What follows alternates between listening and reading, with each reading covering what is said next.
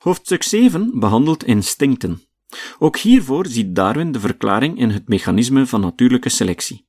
Net zoals fysieke eigenschappen kunnen variëren, zijn instincten ook aan variatie onderhevig. Daarop kan selectie inwerken. Gegeven het feit, volgens Darwin, dat instincten en hun variaties erfelijk zijn, kunnen ze evolueren. De evolutietheorie kan zo indrukwekkende en vreemde instincten verklaren.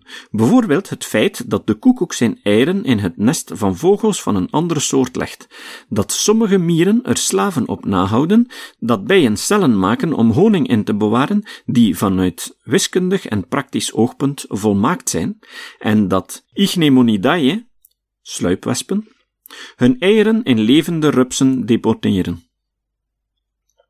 Ook in dit hoofdstuk maakt Darwin noodgedwongen gebruik van de hypothese van groepselectie, ter verklaring van het bestaan van geslachtloze of onvruchtbare sociaal levende insecten.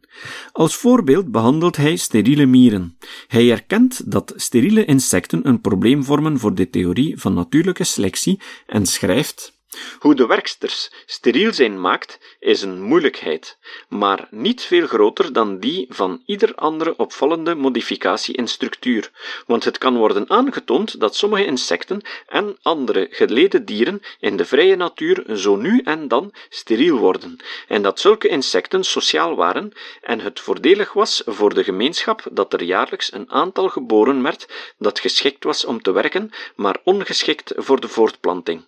Ik zie er geen grote moeilijkheid in dat dit bewerkstelligd zou worden door natuurlijke selectie.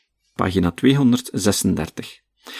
Hij neemt aan dat vruchtbare mieren, die een gedeeltelijk vruchtbare en een gedeeltelijk onvruchtbaar nakomelingschap hebben, deze voortplantingswijze kunnen doorgeven via vruchtbaar nakomelingschap dat op hun beurt weer zowel vruchtbare als onvruchtbare nakomelingen produceren, op voorwaarde dat de onvruchtbare nakomelingen gedrag vertonen, zoals de steriele werkmieren doen, dat een voordeel oplevert voor de gemeenschap of voor een groep.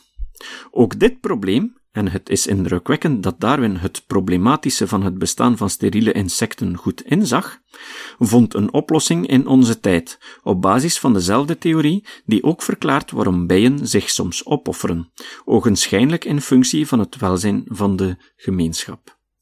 Zie infra.